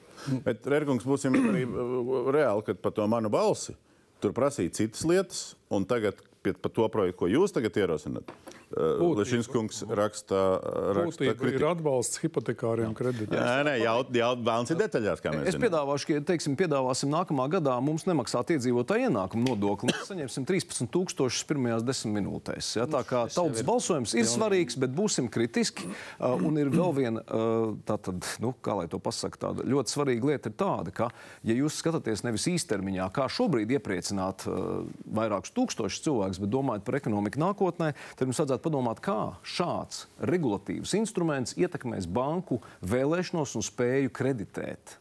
Kapitāla pietiekamības rādītāji netiek samazināti. Tie ir Eiropā noteikti bankām vienoti. Latvijā turpretī radot šādu riskantu vidi aizdevumiem. Protams, ka bankas uz to skatīsies daudz skeptiskāk, un es baidos, ka tas uh, kredītņēmēju skaits nepieaugs. Šī drusku spekulācija, vai jūs viņai piekrītat? Ne, bet izklausās pēc karteļa. Izklausās Kāds pēc karteļa. Izklausās, Jūs pēkšņi kopēji- pasakāt, ka jūsu vienošanās Iz- vairs nav spēkā. Tātad- Tagad jūs saņemsiet mazāk ienākumu nekā jūs vienojāties ar, ar savu konkurence atrisina, bet jūs jau tā tad sakat, it kā izklausās pēc karteļa, ka jau ir kaut kāda vienošanās. Lietojot Jo- apzīmējumus, kur Nē, jēga nu, pa, pa, pa. īsti Bet šeit neatbilst. Bet tā izklausās. Šeit es arī tomēr vēlos teikt, ka nu, es saprotu to argumentu par šo iejaukšanos, bet tāpēc jau mums bija jāatbild uz trim būtiskiem jautājumiem attiecībā uz to, eh, vai šis likumprojekts ir terminēts, vai viņš ir samērīgs, vai viņš ir mērķtiecīgs. Lūk, mēs esam devuši atbildes uz šiem Un Pats jautājumiem. svarīgākais jautājums, vai labie nodomi, kas ir jūsu deklarācijā, patiešām pirmkārt tiek īstenoti, un vai šie ir īstie instrumenti, ar kuriem tos īstenot, vai nav citi līdzekļi, ar kuriem nonākt pie labāka rezultāta. Individuāli, konkrētāk, katrai ģimenei atbilstošāk. Viņas kundze ir par to uh, spekulāciju, ko bankas varētu, kā, var, kā būtu, ja būtu, ko viņas varētu darīt. Eh, Nu, īstenībā ir tā, ka es esmu novērojusi, bankas, eh, bankām ir arī strikt noteikumi, viņam jāizvērtē kredītņēmēja kredītspēja. ja. Un tieši tam mēs nonākam pie tā jautājuma par to, cik daudz cil cilvēku pelna, cik daudz ir uzlikts tas limits. Piemēram, 40% ir tas, norma, teiksim, attiecība pret kredītmaksājumiem pret taviem ikmēneša vidējiem ienākumiem. Ja? Un, ja tev tie, es pazīstu arī daudz ģimenes, un šeit piekrītu Reizes kundzei par to, ka mums jāstāsta plašākā Nē, nē, bet paskatāmies konkrēti. Tās sūdzības, kas nāca un nāk arī man, un kas skan kaut kur Es- droši vien deputātiem, ir par to likmes samazināšanu. Ka viņš atnāk ar 2,7 vai 2,5, viņam piedāvā samazināt uz 0,1 struntu un pieliek blakām komisiju, ko būtībā viņam jāsamaksā šodien, un tad viņš x daudzos mēnešos vispār atvinnēs to komisiju. Nu, tur nekas plašāk nav jāskatās. Tur ir runa par to, Jā. vai tas nav bezskaunīgi. Tur, tur ir nianses, vai es... runa par samazinājumu tagad un īslaicīgi, vai tas ir samazinājums pastāvīgi. Un tad ir jāskatās to dažu uh, ilgo Un tas ir tad labi, ka tu kontekstā. vinnēsi. Nē, nu, Tur ir jāpaskatās sumāri. Varbūt Jā. sumārais iegūms ir lielāks nekā tas, ko šobrīd saimnieks piedāvā īstermiņa. Mēnešiem. iegūms pēc 20 gadiem. Mēs šeit runājam par Nē, pēc 20, nu, tas gan nav. Tur pēc 20 tur nav. Tur ir pēc gada vai pēc diviem ir summa. Mēs runājam par šī brīža situāciju. Mēs mēģinām rast risinājumu tagad. Par izcinājumiem tagad vēl viena lieta, kas man arī nāk arī jautājumos. Pa Absolūti konkrēti. Tas bija komisijas vēstulēs patiesībā arī uh, absolūti konkrēti. Ja mēs atgriežamies pie tā stāsta par tiem 20%. Cilvēki pilnīgi konkrēti modelē dzīvi. Par to, ka ziemas, uz Ziemassvētkiem, nu, teiksim, decembros, gan valsts, gan privātā sektorā ir naudas balvas, prēmijas, tam līdzīgi, tam līdzīgi. Un kas viņam to sešu mēnešus, kuros rēķinās to vidējo, pret ko, pret ko ir 20%, viņam pacels vidējos ieņēmumus, un viņam tas kredītmaksājums teorētiski sanāks, ka viņam nav virs 20%. Bet praksē viņš pateicoties tam vienam decembrim, vienkārši ir kļuvis nu, nosacīt turīgāks. Un iespējams, ka nākamā gadā aiziepjas. Tādas lietas mēs neņemam vērā. Ja, mēs, tā... mēs atgriežamies pie tā paša argumenta. Nav iespējams. Ja? Nu, mēs, ja, 20, ja mēs nosakām kaut kādu veidu mērķa grupu, tad būs situācijas, kurās cilvēki diemžēl izkritīs no tās mērķa grupas ārā. Visas viņas mēs nespējam nokontrolēt, ja mēs vadāmies pēc pieņēmuma, ka mums vajag šādu mērķa grupu. Šobrīd mēs vadāmies, ņemot vērā šo, šos precedentus, kā mums ir veidojusies likumdošana un kādai viņai ir jābūt, lai viņi varētu izturēt šo tiesvedības, eh, tiesvedības šo potenciālo kaut kādu risku. Es varu tikai atkārtot, es joprojām uzskatu, ka atbalstam ir jābūt visiem. Nu, tad atkārtosimies arī pie tā, ko jūs iepriekš teicāt. Ir viens gads, un ir ilgāka nākotne. Nu, es nevaru nepiekrist. Nu, tad, tad pat ja jūs samazināt uz 2% cilvēkam, kam ir tie 6,7 ja, vai 6,5 vai 6,4, nu, jūs samazināt uz vienu gadu viņam un 4, un Eiribors nekrīt. Un viņam atnāca atpakaļ uz 6, pēc gada. Un viss. Jā, Baigā palīdzība. Bet inflācija būs nostabilizējusies. Cerams, ka arī situācija enerģētikas sektorā būs nostabilizējusies. Tas kā par pārējiem ārējiem faktoriem. Un, un paralēli nu, saim neteicās snaust. Tātad plāns ir ne tikai šīs altuma potenciāla funkciju paplašināšana, arī ir, ir mājas darbi, kas jāizdara likumdošanas lauciņā. Tas attiecās uz mobilitāti starp bankām, kas šobrīd ir stipri ierobežota. Tas tiek solīts, ka būs un, tūlīt, un, un, un attiecīgi, ja, tad, kad uh, tas tiks atrisināts, uh, potenciāli banku konkurence savstarpējā varētu pieaugt un uzlabot situāciju. Tāpat banku savstarpējā konkurencei savulaik ir pieļauta kļūda, uh, un bankas nedrīkst reklamēties kas principā nu, izslēdz jebkādu nu, tādu cīņu par klientu. Uh, un, un, un iespēja arī jebkuram jaunam spēlētājam ienākt tirgū. Kā, nu, šajos divos gados ir jāizdara citas lietas. Lai mēs pie tām bažām, ko Liepas kungs min, ka, ka nu, tagad katru reizi valdība atņems bankām peļņu, neatgrieztos. Šāda atbild uz jūsu jautājumu. Ko jūs sakat par to?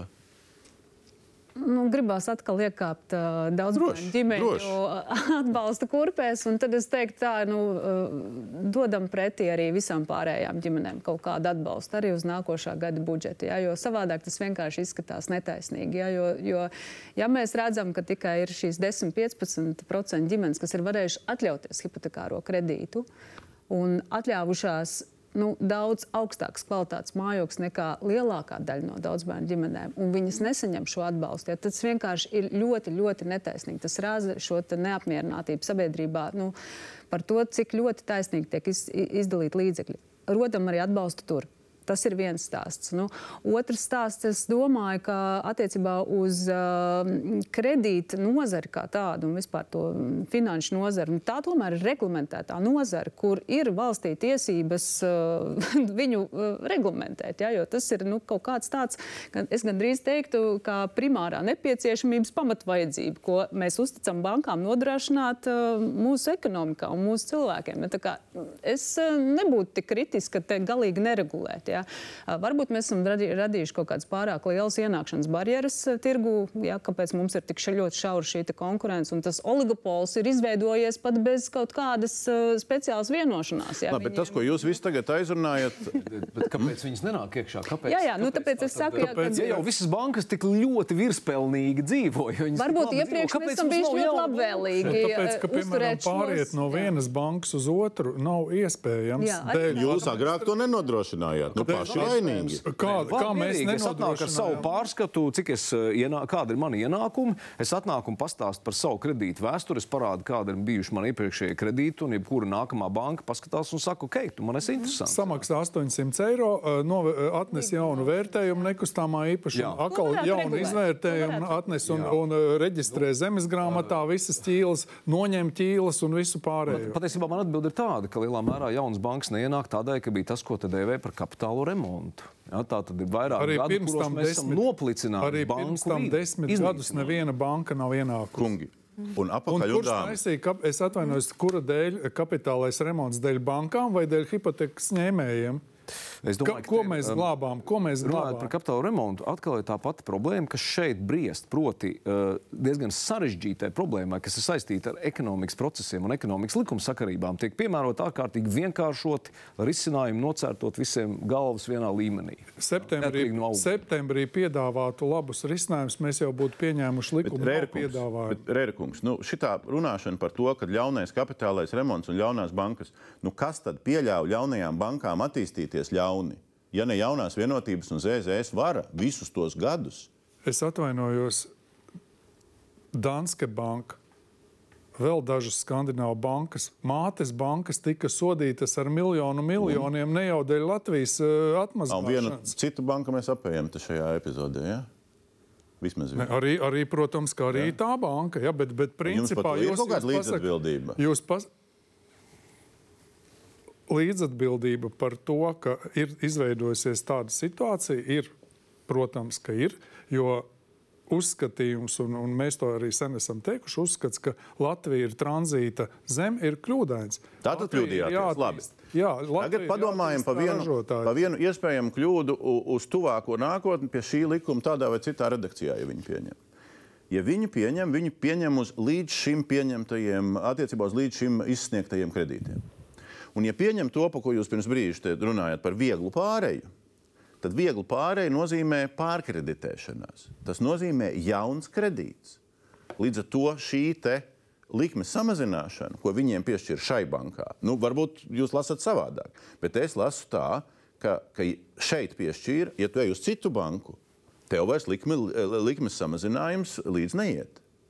Nu, bet būsim reāli. Tas, tas tāpat nenotiks, nenotiks divos, Paga. trīs mēnešos. Pagaid, Kāpēc nē? Jūs taču tieši ejat uz to, lai varētu ātri pārkreditēties divos, trīs mēnešos. Nē, šis uh, projekts ir atbalsts hipotekāram kreditētājam. es runāju par to pārkreditēšanos, vieglo un lētu un ātru. Protams, likuma projekts Lūdzu? ies. Bet tad jau klients neies uz to banku, ja viņam būs augstāka likme tajā brīdī.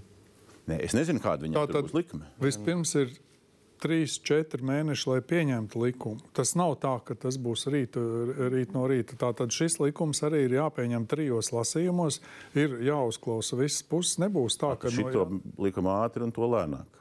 kādā ātri mēs sākām augusta beigās, tagad jau ir novembris. Kāds ātri?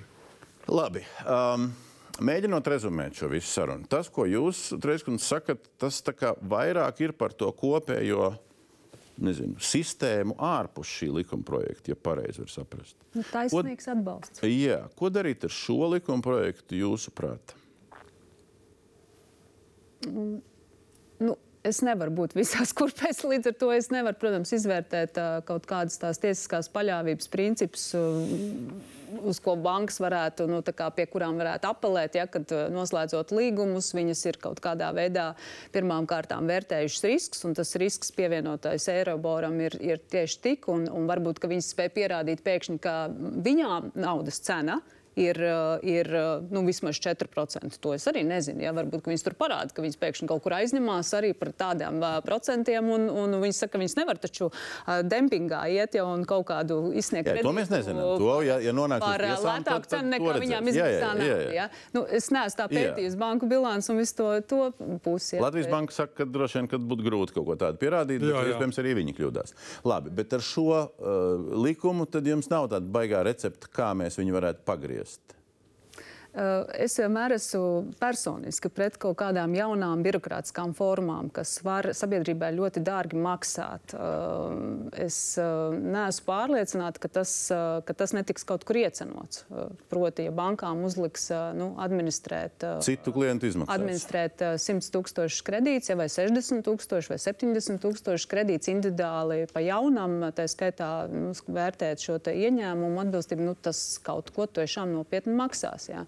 Un, uh, un, un, un, un, nu, jā, tas uh, jautājums ir, vai, vai viņas to tiešām tā norīs, vai kaut kur kaut kādos citos tarifos to izliks ārā. Jā. Jo mēs jau šobrīd zinām, ka patiesībā nu, arī 5 eiro maksāt par jebkuru kontu, kontu ir mm, samērā dārgi. Jā. Es kā NVO sektora cilvēks, kuram, uh, kuram biedrībā dažreiz nav gad, gados, gadiem ieņēmumu, 60 eiro samaksāt par tukšu kontu ir daudz. Jā. Padomāsim, likuma nav. Tagad vēl nav likuma. Mums ir visdārgākie pakalpojumi, visdārgākie maksājumi, visdārgākie kredīti, visdārgākie viss, viss, viss, viss. viss. Es Precīzi. nezinu, nu, atkal jau visdārgākie. Jūs, jūs tagad atkal hipertrofēti pārspīlējat. Uh, Nē, Baltijas līmenī mums ir visdārgākās konta apkalpošanas Jā. maksas un visdārgākie kredīti. Transakcijas, kredīti. Jā, bet kas ir tie Baltijas instrumenti, kas ir to vissliktāk. Šaubas, ka vai šie ir tie Nē, instrumenti? šis- Altums. Ba Baltijas līmenī mums daudzās lietās mēs esam atpalikuši, un tāpēc nevajadzētu separāti skatīt vienu grupu un vainot tikai konkrētas finanšu iestādes. Es teiktu, ka daudzos jautājumos bankas ir lielisks paraugs. Um, ekonomiskajai darbībai. Un ticiet man, ja banka uh, darbojas vi viena, teiksim, piemēram, Zetbanka darbojas trīs uh, valstīs vienlaikus, tad tā uh, piemēro katrā valstī savu gan kredītu politiku, gan arī, protams, tarifu politiku. Tas ir diezgan loģiski. Tas nav tā, ka banka var atnākt un uzlikt visiem pilnīgi vienu kaut ko. Ja? Bet, Lepskungs, atgriežoties atpakaļ pie tā likuma projekta nu, un pārstāvot šovakar uh, bankas, nu, tur ir kompromiss. Jo Bet, bet šajā gadījumā ne tikai kā advokātam, es jums jau teicu, advokātam skaidrs, nu, vairāk tiesāšanās, lielāka honorāra. Ja? Nē, nebūtu. Bet nu, tā kaut kā kopumā. Bezjēdzīgas lietas nav vajadzīgas ne tiesām, ne, protams, arī profesijai. Uh, kompromiss uh, varētu būt, un kompromisa varianti ir viens. Nu, tātad es saprotu, ka par šo jau bija diezgan skaļi protesti par to, ka tātad veicinot hipotekāro uh, kredītu tirgu, uh, maksājumiem netiek piemērots iedzīvotājiem ienākuma nodoklis. Tas viens otrs. Tātad, uh, tātad šo te, ja tiktu radīts uh, modelis, un šeit tiek piesaukts cits valsts, piemēram, Igaunija, kā tas ir Igaunijā, kurā bankas samaksāja šādu atsevišķu vienreizēju nodokli, lai mīkstinātu sekas kādas. Nevis avansu, bet tīro pilno nodokli. Jā, tīro pilno nodokli un tā tad skaidrs spēles noteikumi. Tātad tas ir vienreizējs maksājums, tas ir šobrīd un tālāk, jo valsts to administrē. Nevis pašas bankas administrēja, bet uh, to administrētu valsts. Kas šitā pagrimasi bija Rokveņa? Tas bija ļoti patīkami dzirdēt. Tas ir mans privāts viedoklis. Jā. À, tas, nav, tas nav bankas asociācijas Nē, viedoklis, tas nu, ir jūsu privāts privāts viedoklis. Ar asociāciju jums ir jāturpina sarunas, jo tas ir labs likumdošanas princips, viens no pamatnoteikumiem, ne tikai runāt, bet arī dzirdēt. Leņķis kundze, uh, Tas apusēji, ja, tam ir jāstrādā apusēji. Absolūti, nu, protams. Leņķis kundze, uz tā fona, ko jūs teicāt, ko varēs, ko nevarēs izdarīt. Uh, un uz tā fona, ka tagad mēs šovakar dzirdējām, un tas ir pirmo reizi mēs dzirdam, ja, ka tomēr nevis tas labprātīgais 1%, bet labprātīgi bankas kaut ko varēs dabūt tikai tad, ja divreiz vairāk nekā. nekā Ne, jūs iet- pārmetāt, ka viens, nu mēs saprotam. Ko nepārmet, es jautāju, kāpēc viens. Jā, nu jā, nu, tas Bet, ja Rērkungs, ja jūs šitā spēlējaties ar desmitiem un simtiem miljonu, nu, bailīgi paliek, jā, jo datu jau apakšā nav. Uh, vai jūs redzat šeit ceļu uz kompromisu, Nu, es droši vien nevaru. vai ar bidošanu, vai ar vismaz racionālāko Jā. ceļu, kas Nu. vienkārši varētu būt iespējami nu, samērīgākais, lai mēs mērķus sasniegtu, ko runā politiķi vienus, vai ne, citi runā citus, Mhm. un lai mēs neuztaisītu nu, to, to problemātiku, ar kuru tomēr dzinzina viens otrs. Tā skaitā kādreiz ar Eiru kungu privātā sektorā kopā strādājis uzņēmējs, ka viss šis mums neveicin, neveicinās ne biznesa kreditēšanu, ne valsts kaut kādu ekonomisko nākotni.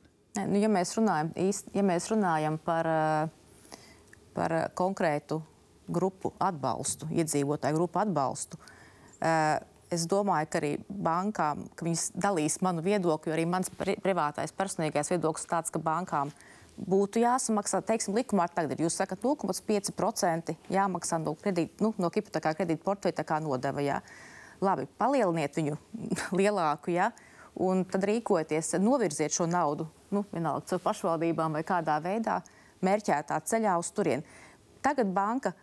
Būtībā sakot, procentu maksājuma samazinājums nav tas efektīvākais. Ja, ja cilvēkiem šobrīd jāpalīdz, labāk ir atlikt pamatsummas maksājumus. Es pat esmu gājis tam cauri, es ļoti labi zinu, kā tas viss strādā. Ja. Bet, eh, bet eh, tiešām nu, uzlikt bankām administrēt tagad šo, šos. Nu, nodevu. Tas man liekas, tas ir, nu, tas, godīgi sakot, nu, kad es izlasīju šo jauno redakciju, es biju ļoti nu, tiešām pārsteigts, kuram varēja ienākt prātā kaut ko tādu izdomāt. Es tādu neizdomāju, droši vien, ko būtu Uz šī fona, nu, situācijas, kad ir trīs lasījumi, kā Rērkungs pagājušajā raidījumā arī jau daudzkārt pieminēja, ja, un mēs esam otrā lasījuma tikai e, priekšvakarā. Un, ja mēs atceramies, ka memorandā, ko parakstīja koalīcija, uh, nebija teikts, ka ieviesīsim nodevu.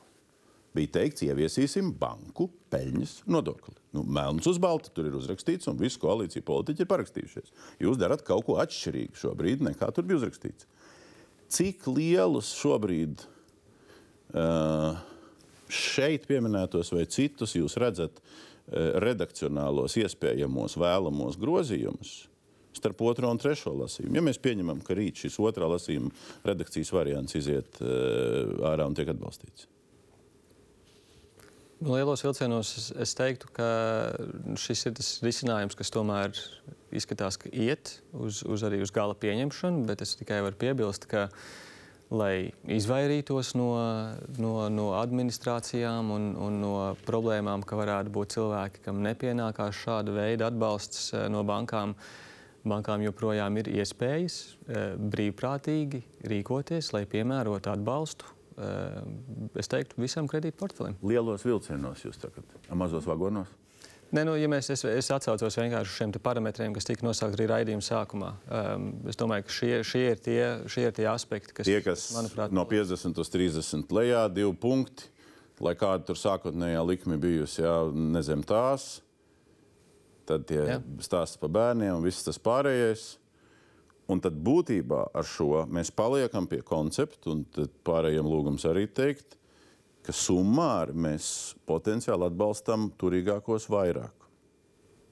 Tas tā gluži nav. Mēs atbalstam hipotekāro kredītu ņēmējus. Ir dažādi cilvēki starp šiem ņēmējiem, hipotekāro kredītu ņēmējiem, bet tādēļ ir arī ierobežojumi, kā piemēram 250 tūkstoši atlikusī vērtība kredīta, un otrs šis 20%, 20 izdevumi. Ja mēs panelizēsim hipotekāro maksājumu, cik ir lielie maksājumi, tie ir, tie ir arī nozīmīgi daudz, un viņi jau nekādā veidā ne, nepakrīt zem šiem 20%. Tie pārmetumi, kas bija, ka mēs tur bagātos valsts uzņēmumus, ierēģi, tur praktiski viss izkrīt ārā. Tur viss ar šiem 20%. Kur jūs to aprēķinājāt? Kur ir tie dati? Ar šiem 20% viss izkrīt ārā. Jā. Nē, ne, viņiem taču ir bērni. Viņiem ir bērni, tiem turīgajiem ir bērni. Bet šī ir retorika par turīgajiem. Man, man ir mazliet vienkārši ir jāatkārto, ka, ka ja šeit būtu tiešām valsts budžeta nauda, tad šāda veida pārmetumi, manuprāt, būtu vietā. Tā kā mēs šeit nerunājam, mēs šeit runājam par situāciju, kurā mēs vēlamies Eh, lai šīs, te, lai šīs te atbalsts nāktu no bankām, bet aiz no klientiem, tad es neuzskatu, ka šāda veida pārmetumi par to, ka tiek atbalsts turīgajiem, ir vietā. Mēs šeit, mēs šeit rēģējam uz atkārtošos kārtējo reizi situāciju, kur mēs cenšamies aizsargāt hipotekāros kredītņēmējus. Replikas? Mm -hmm. Mana replika tāda, es, es šodien biju Madonā, tikos ar Madonas pašvaldību, un šodien biju Ludzā, tikos ar Ludzas pašvaldību. Un visi šie pagastveči raud, ka nu, mums nav mājokļu fonds. Mums tiešām arī lēnām darā, garā attīstās uzņēmējdarbība, bet mājokļu fonda nav, ko iedot iedzīvotājiem, ar ko piesaistīt skolotājus, ārstus, ko, ko viņiem iedot uh, kaut kādus dzīvokļus. Kā īres dzīvokļus. Kā īres dzīvokļus tam līdzīgi. Uh, pat vēl tālāk. Iedzīvotāji saka, mums ir pazudušas banku filiāles. Viss ir aizgājis attālināti. Mums veciem cilvēkiem vairs patiesībā bankas nav sasniedzams. Tas stāsta par kaut ko citu. Mums ir jāstrādā uz to, ka, ja mums ir nacionāla līmeņa banka, spiežam viņām būt arī reģionos ar kaut kādiem nosacījumiem, ar kaut kādu klātbūtnes esamību, ar kaut kādu kredītu portfeli ārpus Rīgas reģiona. Nacionālā līmenī gribi kreditēties, tas ir nosacījums. Ja? Nu, nu, es neredzu citus instrumentus. Paldies, tāds sajūta. Tas... Mēs te divi no ZZS esam. nē, nē, nē, bet nu redziet, tas jau nesat. Nesat reizes, kundze nav no ZZS, lai, lai visi zinātu, ka viņi nav no ZZS. Tas arī kaut ko maksā, protams, un ne jau velti bankas, kuras sākotnēji bija katrā Latvijas rajonā vēl 90. gadu sākumā un konkurējošas bankas, teiksim, piemēram, Tāls, Ogra, Aizkrauk un tā tālāk. Ne jau velti viņas aizgāja, ne jau tāpēc, ka tur vienkārši negribēja, ja, bet atcīmredzot, tas nav ekonomiski pamatots. Jā, bet nu, pie regulēta tirgus tāds ir nosacījums. Gribēs, gribi nē ēst. Nu, nevar izņemt tikai no, no tortes eh, ķirsīšas. Un, turklāt eh, vienkārši bankas ir uz maksimālu peļņu orientētas. Iespējams, ka tur ir mazāka peļņa un šeit optimizējot visu un sašaurinot peļņa paliek lielāka, no kapitāla atdeve kļūst lielāka. Nu, to nevar viņām pārmest, kamēr mēs viņām neuzspiežam darīt vairāk. Nu, to varētu katram uzņēmējam teikt. Tev ir pienākums doties un attīstīt savu ražošanu Ludzā, piemēram. Fantastisks plāns. Es vēlreiz saku, jums, ir, nu, jums valsts iedod biznesa vidi pilnībā. Nu, apkalpot biznesa vidi. Nu, kā jums iedod sniegt iedzīvotājiem pamatvajadzību, Licenci kas visiem ir vajadzīga. Nu, tur nav variantu. Nu, visiem ir vajadzīgi banku pakalpojumi. Ja? Tas tā ir, jā, bet tas jau nav tāds monopols. Ja jūs lietojat tādus apzīmējumus, kas ir absolūti nep nepareizi, tad tirgus ir atvērts. Jebkura Eiropas Savienības un arī pat trešo valstu banka var nākt iekšā un darboties, sniegt savus pakalpojumus. Ja jau ir tik laba tā vide, ja jau tik tādas tās peļņas, virspeļņas, kāpēc nenāk? Nu, Labi, arī farmācijā mums ir reglamentēts tirgus. Ja? It kā brīvais tirgus un tomēr reglamentēts tirgus. Tā kā nav tā, ka mēs nevarētu būt, ātrie kredīti, būt reglamentēts. Rokveņkungs par to, kas jādara ilgtermiņā, un to, kas ir vai nav jādara starp otro un trešo lasījumu. Nu, ilgtermiņā domāju, mēs, mēs jau tās lietas uzskaitījām. Šīs te, um, mobilitātes veicināšana, ja iespēja cilvēkiem vieglāk pāriet no vienas bankas uz otru, nu, tā, tā, tas utopiskais scenārijs, līdzīgi kā tu maini telefonu operatoru. Jā, bet Jā, tas, tas ir tas, ko, kas ir jāatrisina tuvāko divu gadu laikā, kamēr šis te, uh, likums būs divu gadu laikā. Nu, absolūti, nu, mm, pasolītim. Uh, tad uh, šis te, pie, pie kā jau budžeta komisija ķērusies, ir autonomu funkciju paplašināšana. Lai straujākiem soļiem mēs iet uz to, ka reģionos palielinās uh, kreditēšanas pieejamību. Jo, jo skaidrs, ka nu, mēs redzam eh, pēdējo gadu, cik es saimā darbojos, nu, tā, tā banku virzība uz priekšu šajos jautājumos ir ļoti lēna. No kurienes automā būs papildus nauda priekš šīm? Uh, Tā ir atbilde mūsu, mūsu auditoram par to, ka Altums it kā nestrādā. Ir vajadzīgi līdzekļi. Bankas licence ļauj piesaistīt arī depozītus. Tad Jā. Altums arī depozīts piesaistīs. Protams, protams. Krāja obligācijas ir ļoti Šajā populāras. studijā viens uzņēmējs pirms dažām dienām teica, valsts banka tas ir trakums. Uh, Es es- vienkārši atgādinu. Labi, es- Ilgtermiņā, jā, bet uh, tajā brīdī, kad ir absolūti redzama tirgus nepilnība, nu, kaut kas ir jādara lietas labā arī publiskajam sektoram. Ja jums ir pret šito ko teikt, sakiet, pēdējais vai pēdējā Jā, es reize. domāju, ka īstenībā nu, valsts banka vienmēr, pirmkārt, lielākais risks ir tāds, ka valsts banka varētu kop, kropļot tirgu. Es zinu, ka jūs teiksiet, ka šīs esošās bankas ir pārāk iesēdušās un tam līdzīgi, bet, bet tas ir risks īstenībā. Tas ir, man liekas, jautājums, par ko vienmēr runājas. Arī valsts, un arī attiecībā uz, uz valsts uzņēmumiem, uz uh, komercdarbību, kad, uh, nu, kad nedrīkst valsts uzņēmumi kropļot tirgu, teiksim, iet ar kaut kādām zemākām. Viņi var iet tirgu tur, kur kaut kas nefunkcionē. Nu, tā ir, tie ir kanoni. Tātad tirgus nepilnības ir tiesības tirgus nepilnību gadījumā, tiesības valstī iejaukties. Un šeit ir viena nepilnība. Pilna tikai no nepilnībām. Šis tirgus sastāv tikai no Ka, nepilnībām. kas tieši ir Kas ir nepilnība? Es tieši- tādu jā. nesapratu. Jā. Kaut vai augstākie kredītprocenti, mazākais kredīts nav no. IKP. Tātad, ja Igaunijā ir 50% no IKP kreditēšana, Latvijā tikai 30%. Augstākā konta apmaksa, augstāko pārskaitījumu maksa, Rērkungs. reģionālā nefinansēšana. Reira Hipoteks kungs, pret, uh, vai jūs garantēsiet tagad vēl arī kāds, kādus altuma procentus noteiks kredītiem, ja viņi nonāks līdz pilnas bankas statusam? Un depozīta procentus kā augstāks nekā esošos? uh, Tā ir. uh, Viņi taču tirgū Tā- būs. Jūs ir- taču to nevarat garantēt. Tā ir tirgus situācija. Mēs to nevaram garantēt, un neviens to arī nesola. Nu jā, garantēt. tieši tā. Altums strādā ļoti korekti. Altums ir otra augstākā. eh, Jā, bet kas nākotnē iestāde būs, mēs nezinām. vai- viņi tirgū kaut ko izdarīs Otra- ērtāk un labāk? Otra iestāde. Latvijā pēc Latvijas valsts pēc reitinga aģentūras novērtējuma nav neviena cita, eh, cita iestāde tāda. Ja ir pretī Man vēl ir- jebkurā man ir sekundē. replika, es ā, arī būtu ļoti piesardzīga Altumu veidot par ā, banku. Jāsaka, godīgi. Es nu, principā vienmēr uzskatu, ka, ka valsts nav labākais uzņēmējs.